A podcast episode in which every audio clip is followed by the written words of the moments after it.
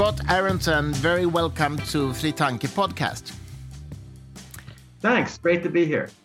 You are a uh, professor of computer science, right? Theoretical computer science. Yes. Yes. And uh, researching quantum computers, right? That's what I've mainly done for the past 20 years. uh, but still, there aren't any quantum computers around, at least not in commercial terms, right? There are experimental devices, and you know, for better or worse, uh, Google, Microsoft, uh, Amazon, uh, IBM, uh, a whole bunch of venture-backed startups are all spending hundreds of millions of dollars on this right now. Okay. Uh, so. Um, uh, you know they have devices now uh, you know within the past uh, few years with let's say 50 or 60 quantum bits or qubits. Okay, so uh, uh, where you can do about a thousand operations. Okay, now that's a pathetically small number uh, of operations compared to you know what our classical computers can do. Yeah. Okay, that uh, that that sort of you know if, if you want uh, an analogy in classical computing you know that this is uh, you know maybe you, you have to go all the way back to the 1930s or 40s okay to uh, to to to uh, vacuum tube devices yeah. to uh, to get a sense of where quantum computers are now right so so so it's a huge huge engineering problem to scale them okay mm. but uh, uh, you know, one uh, exciting thing we've learned in the past a few years is that even with 50 or 60 qubits, you can already do some artificial benchmark problems that classical computers have a very hard time keeping up with. Uh, so that this was this uh, milestone that was called quantum supremacy, mm-hmm. you know, and and there there's been a lot of uh, debate. Well, first of all about the name, which uh, not not everyone likes, but secondly about the uh, what actually counts as outperforming a classical computer. You know, how big of a classical computer are we talking about? Mm. You know what. Um, uh, uh, you know how how how exactly should the comparison be defined? Uh, you know and, and and and right now you know you kind of have to squint right? Uh, it's like uh, yeah you know uh, on certain benchmarks we have quantum computers that do better than you know um, you know even a, a very large classical computing cluster right? But, but, but uh, yeah, but uh, uh, you know, uh, cl- you know, classical algorithms people are clever, right? And you know, they have hacked away at the gap, and they've said, you know, we can do, we can, we can reproduce more and more aspects of the performance classically. Mm-hmm. And so, so now, you know, I think uh, uh, the the burden is on the experimentalists to to put some more distance there uh, you know now now now ultimately you know what, what if, if quantum computing is going to become truly practical uh, mm-hmm. it will be because we can solve the the problem of scaling mm-hmm. uh, which would uh, uh, uh, um, almost all of us believe will require the creation of, of error corrected qubits mm. and that has not yet been experimentally demonstrated but you know there are you know th- that is what the experimental groups around the world are now racing to demonstrate uh, as we speak.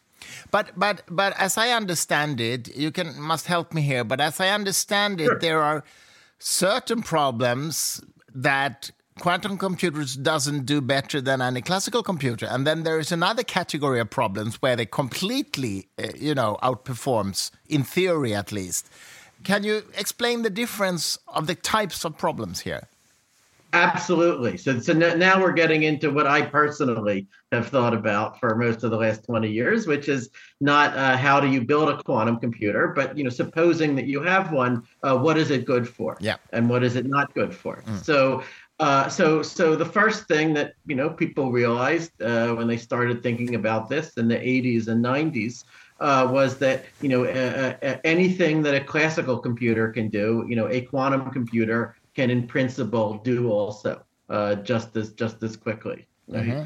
so uh, uh, uh um, you know but uh, you know there are many many tasks that we use our computers for you know checking our email hmm. playing some you know candy crush yeah.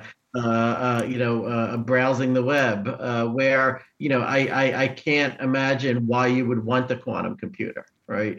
Like if, if you you know use the quantum computer for those for those things, uh, I like to say it would be kind of like using a space shuttle to ferry people around the uh, a parking lot, mm-hmm. right? It would just uh, uh, uh, so so you know the way to think about quantum computers for the foreseeable future is as a, a special purpose accelerators, right? So you know we will use uh, classical computers for you know everything that we we uh, uh, we can that they're good for, you know, and and and that includes all the aspects of a quantum algorithm that are best handled classically. You know, the the uh, user interface, mm. the uh, you know control flow, the you know uh, all the kind of mundane stuff. Right? And why why then, why are those problems? I mean, what is the characters of the different problems? Yeah, yeah, yeah. I'm, I'm, i was, I was, I was, I was just getting to that. Okay, so, so, uh, mm. so, so what? A, what you know, uh, uh, um, um, fundamentally, you know, people. Uh, you know, some people want to think of a quantum computer as just like a classical computer, but faster. Mm-hmm. Uh, but it's not that, right? It is a fundamentally different way of harnessing nature uh, to do computation. Mm-hmm. And you know, to actually explain it, you know, I'd have to take 10 or 15 minutes, explain what is quantum mechanics. I don't know if you want me to do that. Yes, I do actually. And I know a little do. bit oh, about, all right, all right. about quantum mechanics. Well, but, okay, okay. But uh, uh okay, I mean I mean maybe maybe um you know to make a a a very long story short, uh you know, a uh, uh a um what what what quantum mechanics says is that to every possible uh, uh, configuration uh, of a physical system. You know, every way something could evolve, every direction that a particle could go uh, as it, you know, mm. passes through a screen or something like that. You have to assign uh, a number called an amplitude. Mm. Okay, and uh, you know these numbers are closely related to probabilities mm. right more amplitude means you know you will be more likely to see mm. this configuration if you look uh, but amplitudes are not probabilities. Okay, and the key difference is uh, they can be negative numbers. Okay, mm-hmm. in fact, they can even be complex numbers mm-hmm. you know, involving the, the square root of minus one. Mm-hmm. Uh, so, uh, um, so the so uh, um, you know the, uh, uh, what what quantum mechanics says at its core is that you know the the state of of any physical system in, in the universe, perhaps even of the entire universe, is a gargantuan list of amplitudes. Okay. So, so when it you talk a, when you talk about a particle yeah. being in a superposition, you mean yes. that it's not uh, a description of probabilities; it's amplitudes. Right. No, not directly. It's a it's a list of amplitudes. The particle has some amplitude for being here. It has some amplitude for being there. You know, and this is why uh, when you know they say you know the electron is neither here nor there. It's in a smear of probability yeah. around the nucleus you know, like like when I, when I first heard that as a child, you know, I thought, well, of course, you know, obviously that must just be some fancy way of saying that they don't know where it is. Yeah, right? yeah, yeah. You know, it's clearly somewhere. They just don't know, right? But but no, uh, uh, to say that you know it has an amplitude for being in each uh, uh place is a different statement. Mm. Okay, uh, and and we can you know, and and it's just physically, experimentally different because you know, you can do two things with a quantum state. You can look at it, okay, and if you look at it, then you force the amplitudes to become probabilities, right, of, of, of specific outcomes. And there's a rule for how that happens. Uh, it's called the Born rule, one of the most important rules in all of physics. Okay, it says that the probability of some outcome is equal to the square of the absolute value of the amplitude. Okay. So in this way, the complex numbers get converted into real numbers from zero to one, right? Which can then be interpreted as the probability that you'll see the, you know, the cat alive or the cat dead, yeah, or the sure. particle going this way or the particle going that way. But uh, but but then, secondly, if you don't look, if you leave the system isolated from its environment, that's the the more careful statement. Then this list of amplitudes evolves by its own rules okay, uh, which are, you know, different from anything that we have direct experience with. Okay, and and uh, in particular, uh, uh, to you know someone who knows a little bit of math, I would just say that the the vector of all these amplitudes undergoes a linear transformation. Okay, so it gets multiplied by some matrix and it becomes a, a new vector. But and, let me uh, ask you one thing. Let me ask you one Yeah. thing here. Just Yeah. uh, is this this amplitude description of the particle? Do you consider that to be a purely a mathematical description, or is it an ontological description of reality? well, people have argued about that for a hundred years. Uh, Yeah. I think that clearly, you know, there is something ontological there. I mean, you know, like the world, you know, there must be something true about the world that forces us to use this language to describe it, Yeah. Okay. right? Uh, and and and as for what that thing is, you know, people have philosophers, physicists have argued about that for a hundred years. There's also just the attitude uh, of you know, shut up and calculate, yeah, right? yeah. That the uh, uh, you know, uh, uh, uh, regardless of, of what ontological reality you ascribe to it, you know, if, if you, you know, if nature works this way at all, which it seems to, then you should make certain predictions for how the quantum computer is going to work Okay. and, you know, what you will and won't be able to do with it. I see. So, uh, so, so, um, um, yeah, so, so, you know, so there, there are, you know, huge philosophical questions here about, about, about what this all means. Okay. But physically, you know, what, uh, um, uh, uh, uh, amplitudes, uh, uh, really mean, you know, the, the uh, signature of them is that, uh, well, you know, if, if, if I want to know how likely something is to happen, right, I have to add up the amplitudes for all of the different ways that it could have happened. Okay, so for example, if I want to know how likely is a particle to hit a certain spot on a screen, I need to add up the amp- an amplitude for each possible path that that particle could have taken. And if some of those contributions are positive and others are negative, then they can cancel each other out. Yeah. Okay, they can interfere destructively, which could make the total amplitude zero, which would mean that the particle will never show up there at all, right? And and and and the way you know the the, the like the the uh, uh, uh, amazing way to sort of demonstrate the, the you know the reality of these abstractions is you you now take one of the paths and you block it. Yeah. So the double slit experiment. paths, As, right, as in the two slit experiment. Yeah. So let's say there were two paths and one had positive amplitude, the other had negative amplitude. And then with both paths available, the particle never gets someplace at all.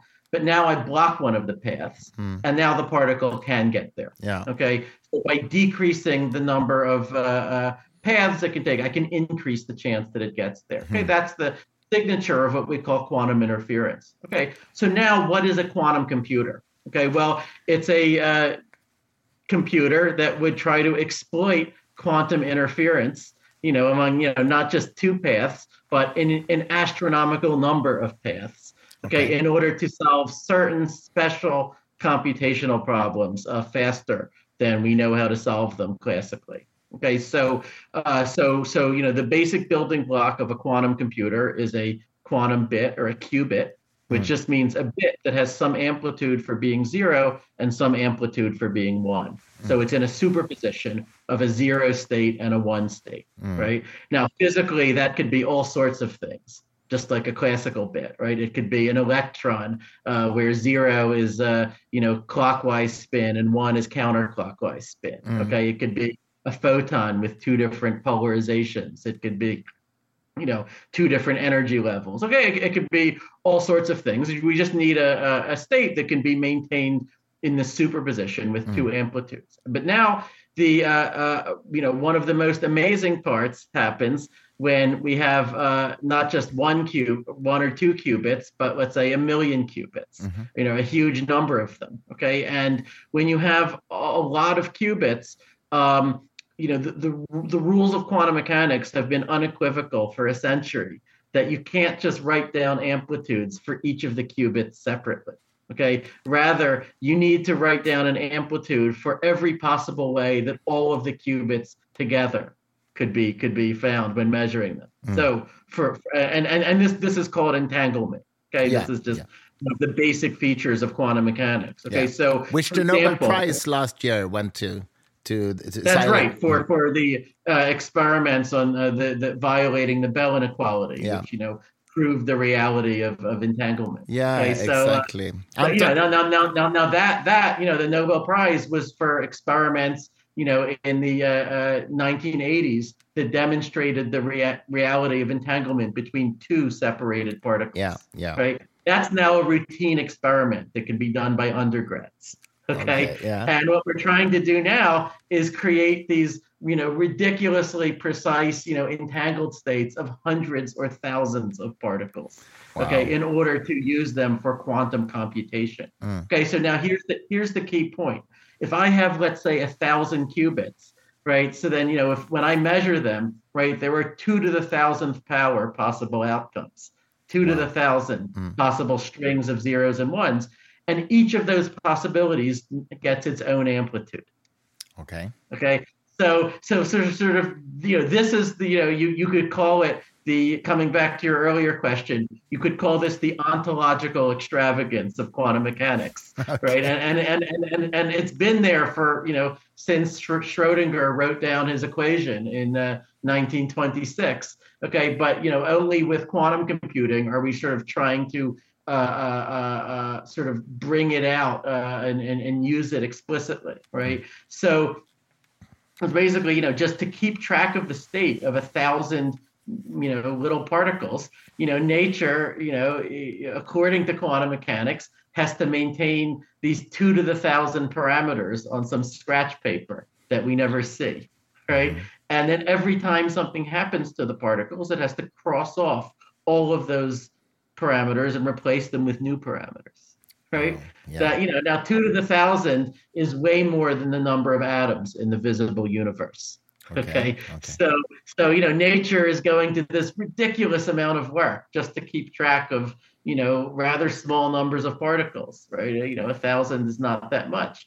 Or you know at least that's what quantum mechanics says. Uh, and you know chemists and physicists in some sense have known this for a long time. They've known it mostly as a practical problem right? When you know they're trying to solve the schrodinger equation understand the behavior of a bunch of you know interacting uh, quantum mechanical particles you know they've known for a long time that the calculations just quickly become uh, um, um, intractable because of uh, because of this exponential explosion in, in, in, in amplitudes. And you know they've invented all kinds of tricks for trying to get around that. Uh, now, it was only, you know, uh, in the early 80s that a few people, most famously uh, Richard Feynman and Yeah. David Deutsch, you know, had the idea, well, like if nature is giving us this lemon, you know, why don't we make lemonade? Mm. Right. So, you know, why don't we build a computer that itself would take advantage of this sort of exponential number of amplitudes, right? And so now, you know, now, of course they then face the question, well, well, what would it be good for? Yeah. Okay, um, which was your question, right? Now, at, at that time, they really only had one answer, which is, well, it would be good for simulating quantum mechanics itself. Okay, Okay. and you know, as as as banal as that sounds, I think you know, even today, after 40 years of you know intensive work in this field, that's probably still the single best answer that we have. But why should we simulate quantum mechanics? We al- already have Oh. it. It's there. well, okay. Well, I mean, I mean, it, it's the difference between you know having to uh, build a wind tunnel, you know, every time you have a new uh, wing design that you want to test out, versus just having a computer where with a few keystrokes you can just tell it to simulate whatever wing design you like. Okay, right? okay, then I I mean, you know, understand. classic, I mean, I mean, I mean, classical computing has made a huge difference, you know, in physical simulation, right, in the sciences, right, and uh, um, you know, and, and now the the the idea would be, um, you know, you now have a general purpose programmable simulator for any quantum system that can tell you what is the rate of some chemical reaction without having to actually synthesize the chemicals, right? Or you Ah, know, okay. how will this drug behave? You know, how will it bind to this receptor? You know, the way we want, right? So that could have all kinds of applications for uh, biochemistry, medicine, Yeah. um, um, you know, photovoltaics, high temperature superconductivity, you know, and in terms of like providing economic value to the world, that's probably still the clearest case that we've got. But that's very. I mean, that's a lot. That's that's Yeah. very good, of that, course. that- that is a lot. That is a lot. Now, now, what what what really put quantum computing on most people's radar, uh, though, was not that. Okay, it was a a, a further discovery uh, made in the 1990s. Okay, and that is that you can sometimes, in some special cases, get a classical, sorry, get a quantum computer to um, solve you know, even a purely classical problem. Okay. You know, uh, one that's got nothing to do with quantum mechanics much faster than um, we, we, we know or believe it can be solved uh, with a classical computer. Like, for example, okay. prime so, factoring of an integer. Yeah, exactly. Mm. Now, right now, the the uh, the the the you know still to this day, you know the the sort of example par excellence is called Shor's algorithm, which was discovered you know in 1994 by uh, my uh, former colleague at, at MIT, uh, Peter Shor. Uh, he he was at Bell Labs. Mm-hmm at the time. Okay, and so what he discovered was that there is a quantum algorithm for taking an n-digit, you know, composite number and factoring it into its prime factors in time that grows only, you know, like like roughly n squared. Mm-hmm. Okay, whereas you know the uh, uh, uh now now now you know is that faster than the fastest classical algorithm? Well, no one knows for sure. Okay, uh-huh. there's you know extremely hard problem, unsolved problems in computer science, like the P versus NP problem, mm-hmm. right? Uh, so, that are very closely related to that. Okay, so we don't know for sure, but after a half century of research, the fastest classical algorithm that's known for factoring, or at least that's publicly known, uh, uses time that grows exponentially with the cube root of, of, of, of the number of digits. Okay, so we would say that Shor's algorithm gives an exponential speed up uh, compared to that. Now, why does anyone care about factoring? Mm-hmm. Well, as um, cryptography, you know, many your, as many of your listeners may know, anytime you visit a website with a padlock icon, yeah. you know, or you send your credit card number over the web, you know, your data is being protected by you know one of a few closely related encryption systems you know which all depend on the belief that factoring and a few closely related problems in number theory are hard, okay, mm. that they are intractable, right? And so what Shor showed is that if you build a quantum computer, a, a truly scalable one, then that assumption is no longer true, right? Then ba- basically, uh, uh, uh, uh um, um, um, almost all of the public key encryption that we currently use to protect the internet uh, could then be broken. Okay, and so so as you know so that you know got you know as you can imagine the military and intelligence communities interested in uh, uh, quantum computing uh, uh all of a sudden. And um, you know and, and and that's still a, a huge source of interest. You know it's not clear that that's really a positive application for humanity. Hmm. uh, you know now like what, what it means is that you know when quantum computer when scalable quantum computers look like they are you know on the horizon or coming very soon then we will all need to switch to different forms of encryption. Exactly. Right? But and, I was just thinking that because yeah. it's yeah. enough that some uh, company or country have a computer like that, then we cannot do any financial transactions anymore uh, with this the old uh, system. Well, right, right. Uh, uh, yeah. So and, and and so so so so there is a worry here, and and furthermore, you know, even today, you know, one has to assume that the NSA and you know Chinese intelligence and so forth are scooping up all of the data they can. And even if they can't decrypt it now, they're hoping that you know in the future, you know, possibly using a quantum computer, they will be able to decrypt it. Mm. Okay, mm. and so so even today, people who have you know data that they want to stay secure for for decades mm-hmm. you know might already want to switch mm. to you know quantum resistant methods of encryption now, the good news is that we have some pretty good candidates for quantum resistant encryption. Okay, okay? Uh, you know, it's it's just it, it's an enormous effort to sort of switch the whole world yeah. to those systems. Yeah, you know, of course, every time you do something new, there's all kinds of security problems, right? Like you might have even overlooked some prosaic, you know, attack, even just using classical computers, right? Yeah. So you know, there's the you know, in, in computer security, people have a strong preference for the tried and true you know over over the new okay but you know uh, uh, we will need to switch uh, can, can you say something can you say something about uh, why there are crypto algorithms that are quantum secure How can they be that? Uh, yes. Okay. So so now so now this becomes you know a, a, very subtle question, right? And it it ties back into your original question of well, where does a quantum computer give a speed up, and where does it not? Yeah. Right. And now so now now we really come to the core of the matter. Okay. Mm-hmm. So uh, um, you know, like if you read uh, most popular descriptions of Shor's algorithm, mm-hmm. right, they'll say something that sounds very appealing, but that's wrong. Okay. They'll say that, well, you know, the way that the quantum computer gets this big advantage is just because, you know, it can, you know, it has all these amplitudes, right? It has this gigantic superposition state.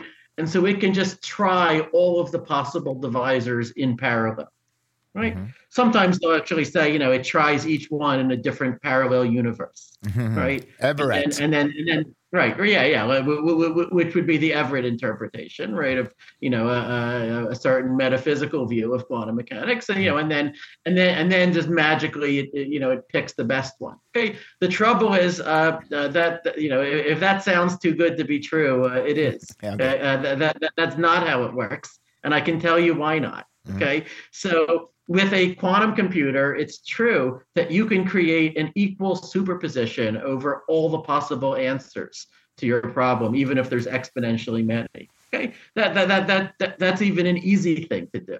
Okay, the trouble is that for a you know a computation to be useful, at some point you have to look at it, you have to measure, yeah. you have to observe an output.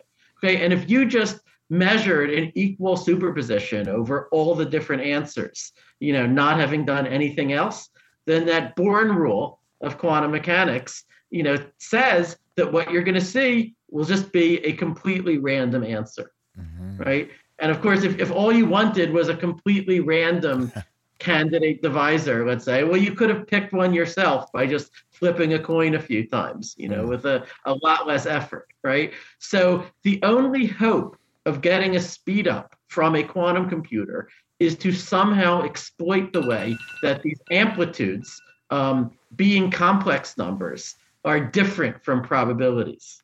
Okay, and uh, and in particular, the fact that amplitudes can interfere with each other. Okay, mm-hmm. so so with every algorithm for a quantum computer, in some sense, the high level idea is this: you are trying to choreograph a pattern of interference in such a way that for each wrong answer, each answer that you don't want, you know, some contributions to its amplitude are positive and others are negative. Mm-hmm. Or, you know, they could be pointing every which way in the in the complex plane, right? So that on the whole they cancel each other out. Whereas for the right answer, the answer you do want, you want all the contributions to its amplitude to be pointing the same direction. Yeah, yeah, yeah. So you, in, in a way, you have to apply constraints, so to speak, to the system. Yeah, well, so so so you could say nature is giving you this really bizarre hammer. You know, one that you know I, I think is, is weird enough that you know no science fiction writer had the imagination to you know in, you know uh, uh, invent such a thing. Okay, and then the task of quantum algorithms research is to figure out well what nails can that hammer hit. Okay, now what Shor showed in 1994 was that the problem of factoring integers has this very, very special structure that lends itself to you know setting up this kind of interference experiment that mm-hmm. concentrates the amplitude where you want uh, and you know I, I, when i teach my undergraduate class you know i spend three lectures uh, to explain how it works uh, you know if i had only a minute uh, what i would say is that um, uh, well it, it's not uh, um, you know, uh, uh there, there, there, there is a part of Shor's algorithm, you know, that's got nothing to do with quantum mechanics, right? Mm-hmm. Uh, that's just purely classical, where you take the problem of factoring and you reduce it to uh, superficially a very different looking problem, which is about finding the period of a periodic function. Okay, so you know, we imagine that we have some black box you know, that computes a function. So like you feed the box x and it spits out f of x, okay, where mm. x and f of x are some integers, let's mm-hmm. say. And then uh, let, let's suppose that f is a periodic function, which would mean there is some secret period s such that f of x and f of x plus s are always the same. Mm-hmm. Okay. And now the trouble is that S could be enormous. And and now just by you know uh, uh, querying this black box, you know you would like to discover what is S. What is the hidden period, uh, you know, at which your, your your your your function repeats? And now, now classically, you know, you're kind of stuck, right? You can just pick a bunch of values until you happen to get lucky and find two that are the same you okay. know, uh, and if I find some x and y where f of x equals f of y, then I know that the period, whatever it is, must divide y minus x. Yeah. So okay. I've learned something. Okay. But, you know, if s is enormous, then that could take me an enormous number of steps. Okay. Now, what Shor, now the, the second thing that Shor does after reducing factoring to this problem is that he shows how, well, okay, but if you had a quantum computer and you could query all of the f values in superposition. Okay, then you could take that enormous vector of amplitude, that enormous list of amplitudes, you know, of all the possible, you know, x and f of x values, mm. and then you could do a, a sequence of operations on the qubits that would have the effect of applying the Fourier transform mm-hmm. to that vector of amplitudes. Okay. And crucially, you know, the number of operations you've got to do on the qubits grows only like, you know, uh, linearly or quadratically with the number of qubits, right? And yet it has the effect of doing this Fourier transform on the vector of amplitudes, which is exponentially larger. Okay, wow. so that, that, that's kind of the key. And now, what is the Fourier transform? Right. Well, it's been one of the most basic operations in math for 200 something years right? But fundamentally it's a it's a linear transformation that you can do on vectors or functions that sort of changes their basis changes the way that you view them switches from you know as an engineer might say from the time domain to the frequency domain. Mm-hmm. so it sort of switches you know a, a, function that you know might or might not be periodic could be any function but it sort of represents it as a sum of periodic components.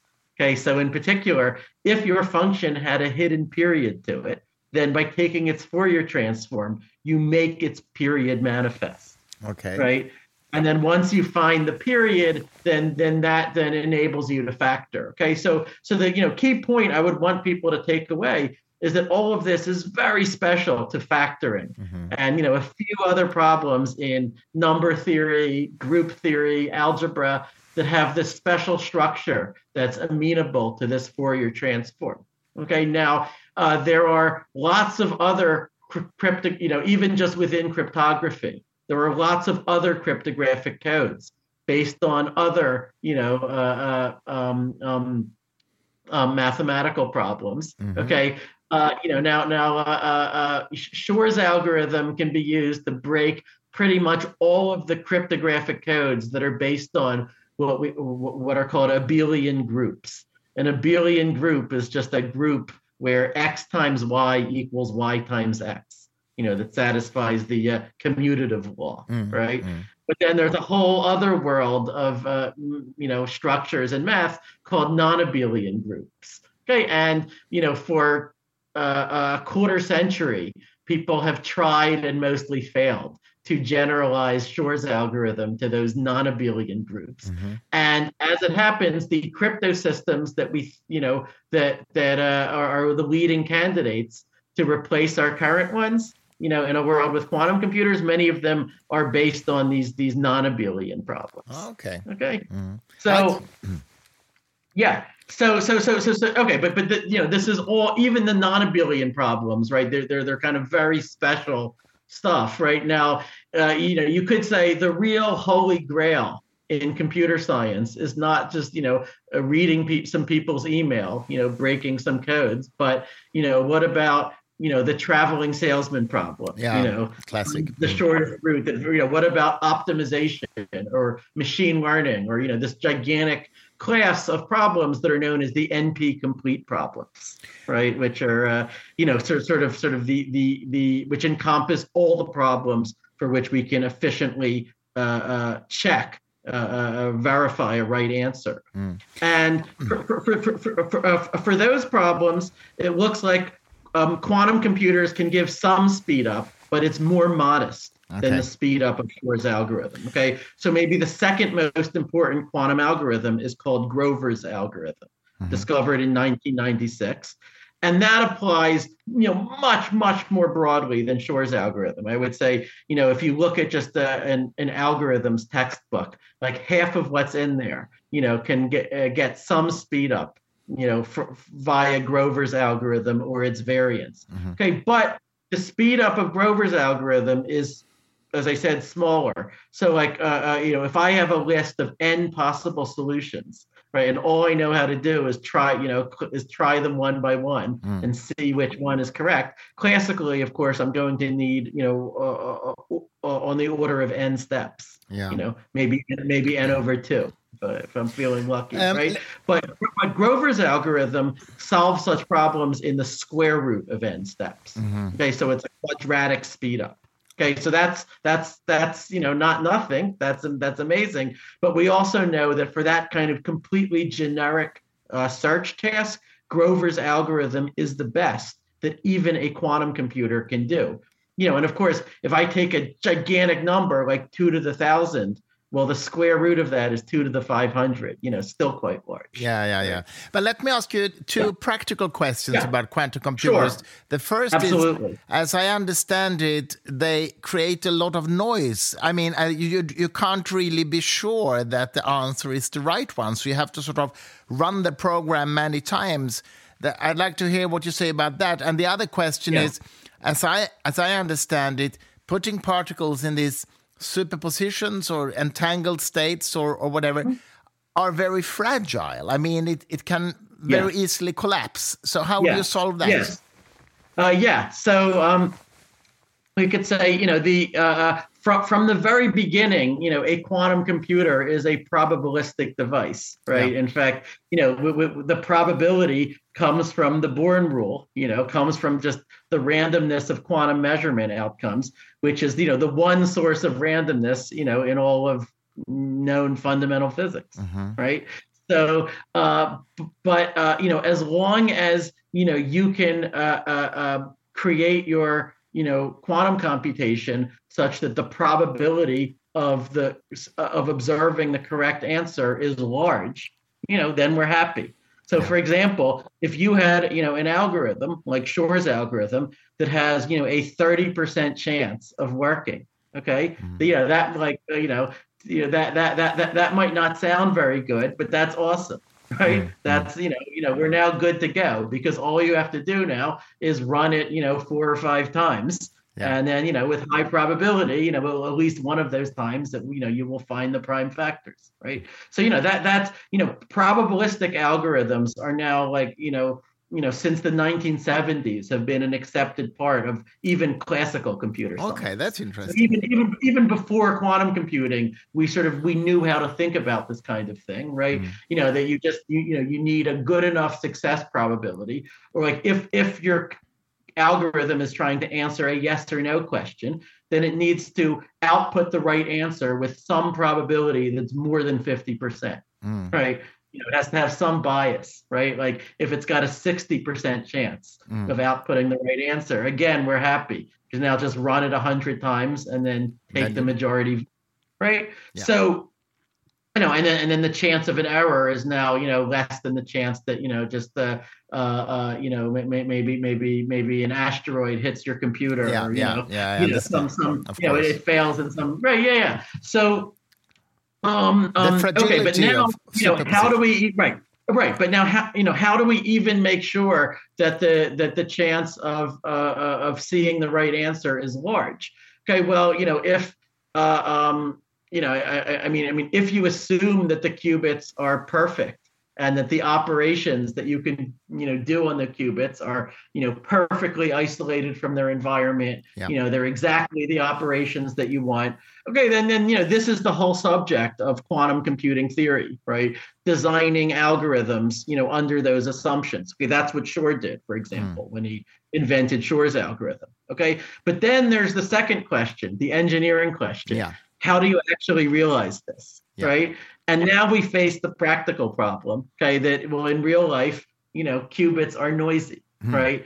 The uh, you know uh, we know we can't do operations perfectly, okay? And um, um, and and furthermore, you know, uh, uh, qubits are not perfectly isolated from their environment, okay? And that and that's a really severe problem mm-hmm. because uh, why? Because if I have a qubit, let's say it's in some superposition state, mm-hmm. Right? and you know uh, uh, has some amplitude to be zero and some amplitude to be one. Okay, but now uh, the information about whether it's zero or one leaks into the environment. Mm. Okay, so you know there's some electromagnetic field, there's some you know radiation in the room that carries away information about whether the qubit was a zero or a one. Okay, then um, from the qubit standpoint, it is exactly as if someone has measured it. Okay? okay? And measurement is this destructive operation that collapses the qubit. In fact, you know, the Everettians, the many worlders, would say that that is all that measurement ever is. It's just us, you know, our brains, our recording devices, our environments becoming entangled with the things that we are measuring. Yeah. Right. Yeah. The information leaking out. Right. They would they would say that that that, that is what measurement is uh, fundamentally. Okay, but but in any case, you know, uh, uh, uh, um, um, interaction with the environment has the same effect on the qubits as as measurement. Okay, and what this means is that if you want your qubits to work uh, as they're supposed to, you have to keep them ridiculously well isolated mm. from their environment. Okay, and you know, and this is part of why, you know, if you go into a quantum computing lab, they often have a dilution refrigerator mm-hmm. where they're cooling everything down to, you know, a hundredth of a degree above absolute zero. Yeah. Okay. And, you know, they have a vacuum, right? And they're, you know, they're trying to get things as, as isolated as they can. Uh, but at the same time, the qubits have to be interacting with each other. Yeah. Right. So, you know, so they, they can't be isolated from each other. And something has to be coming in and telling them exactly how to interact with each other. Like there has to be a conductor, you know, of this of of of, of the symphony, mm. right? And and so you know those, you know, you know now now hopefully you can start to see you know why this is so hard as an engineering problem okay and, and in fact it's hard enough that there were distinguished physicists in the 90s who said this is impossible right? You will never get you know qubits you know well enough isolated from their environment you know or manipulate them precisely enough to do this this shor's algorithm right? Or or you know may, maybe it could work with four or five qubits but but never with a thousand or a million qubits. Yeah. Okay? Now now the um you know the the the, the thing that that um um most of us in this field, you know, uh, uh, see as you know having having answered those skeptics in principle was another great discovery of the of the mid 1990s, and that was called quantum error correction or uh-huh. quantum fault tolerance, right? And and and and again, Peter Shor was heavily involved in it. Also, a bunch of other people. Mm-hmm. Okay, uh, and and what what quant, what quantum error correction said is that no, uh, uh, actually, you don't have to get the rate of interaction between the qubits and their environment all the way down to zero. Okay, nor do you need to be able to do operations on the qubits uh, perfectly. Okay, you just need to get the error to be very, very, very small. Right? Yeah. You need to, you know, you need to get it below a certain uh, non-zero threshold. Because you okay? have error corrections in classical computers as yes. well, right? Yeah. We do, we yeah. do, yes. Now, now with classical computing, actually, John von Neumann um, published an analogous uh, uh, uh result in the 1950s uh-huh. that said you can build a reliable computer even out of unreliable parts. Yeah. Right. This was the classical fault tolerance theorem. And you know, as beautiful as that was, it ended up mostly not being needed because then you know transistors and integrated circuits became so reliable, yeah. right?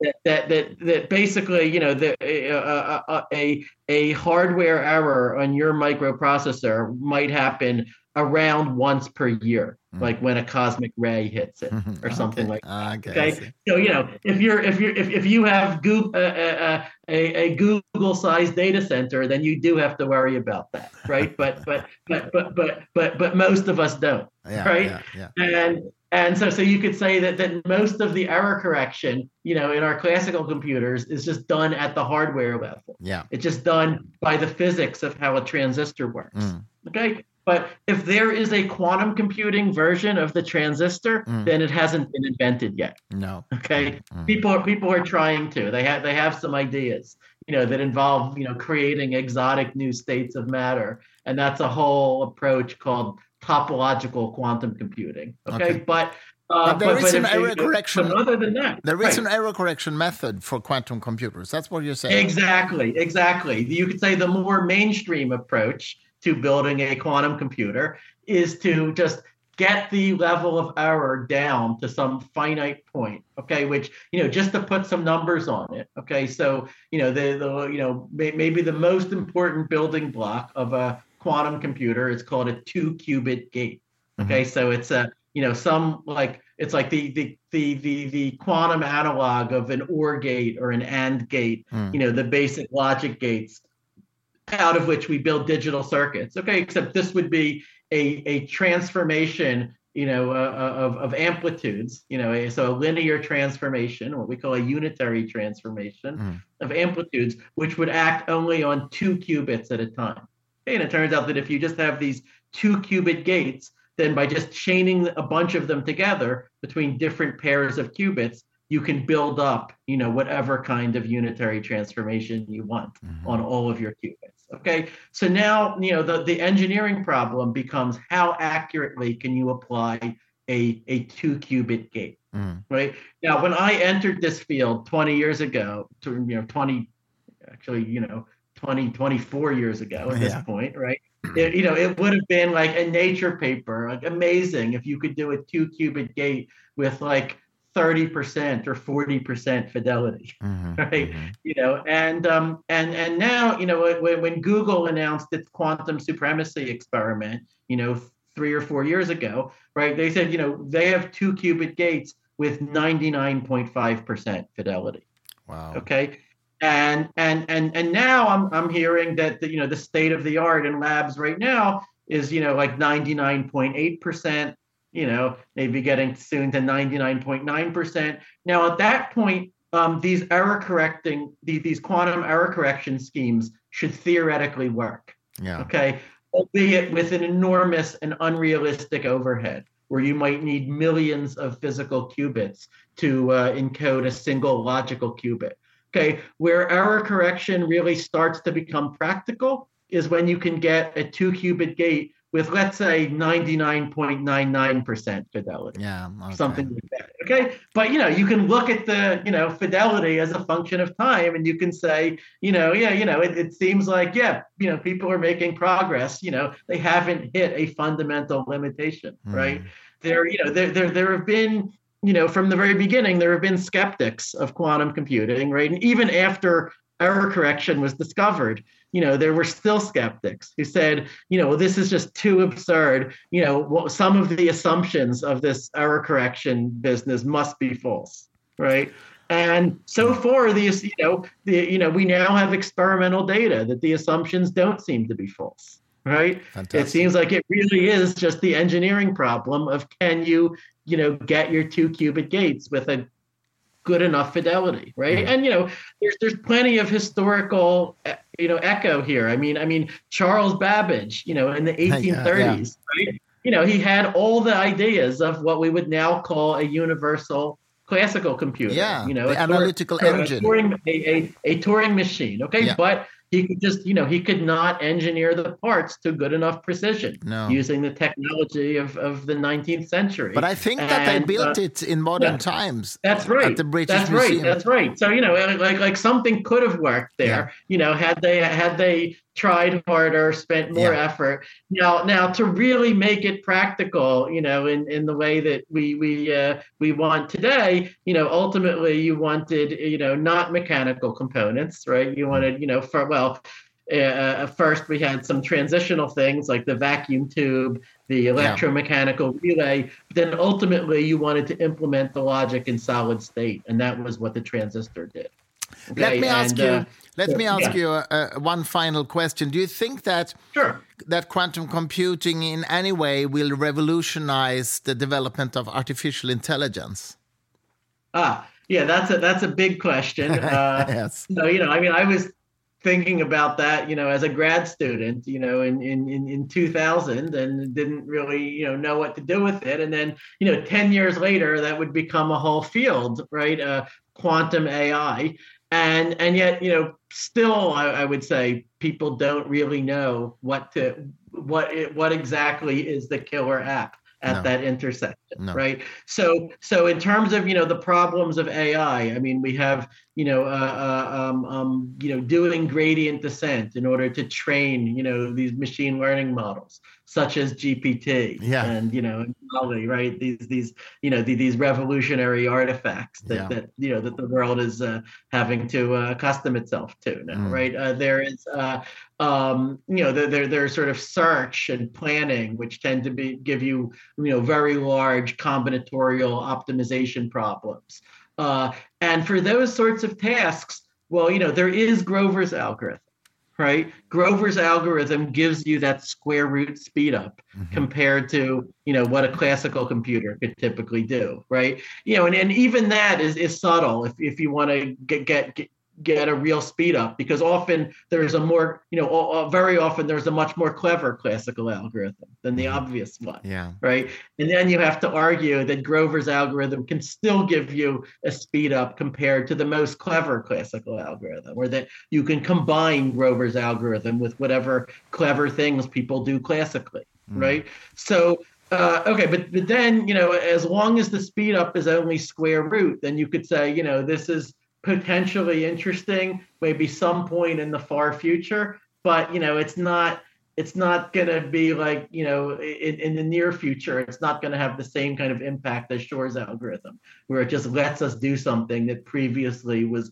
utterly beyond our reach yeah. right mm-hmm. and so now now again and again there have been claims to you know get exponential speedups for problems of relevance to ai okay mm. and again and again uh, those claims, you know, to the extent that they were, you know, concrete, uh, they have not stood.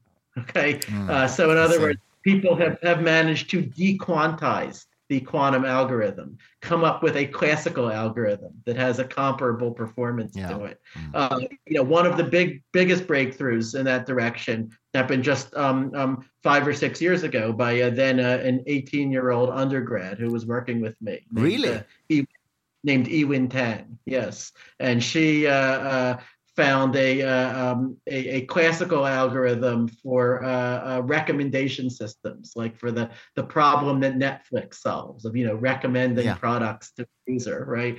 Uh, that that matched the the performance of a quantum algorithm that had been wow. claimed to give an exponential speed up there.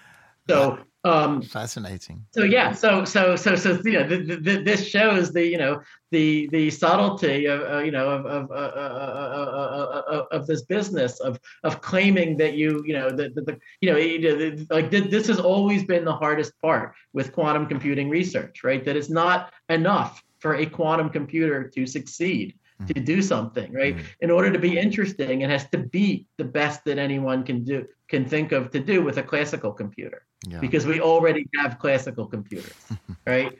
And yes. and and you know and, and and and and you know now now unfortunately, you know, something that's happened over the last 15 years is that you know like the the startup people and the you know uh, uh, um, sort of uh, uh corporate people in this field discovered at some point that you know they they can just say we are using a quantum computer to do such and such and everyone will get excited mm. and will give them money you know even billions of dollars in some cases you know without even asking the question okay but are you you know is there any hope of beating a classical computer this mm. way i see right? there's which, a lot of to hype. me is like yeah, right, right, right, right, right, right. And and and the way that the hype functions is specifically by just not doing the fair comparison to a classical yeah, computer. Yeah. Okay, Scott, I know that you have another yeah. meeting coming up. Yeah, yeah. Thank you so much for taking time. Of course, of course. Wonderful to talk uh, to you. My pleasure.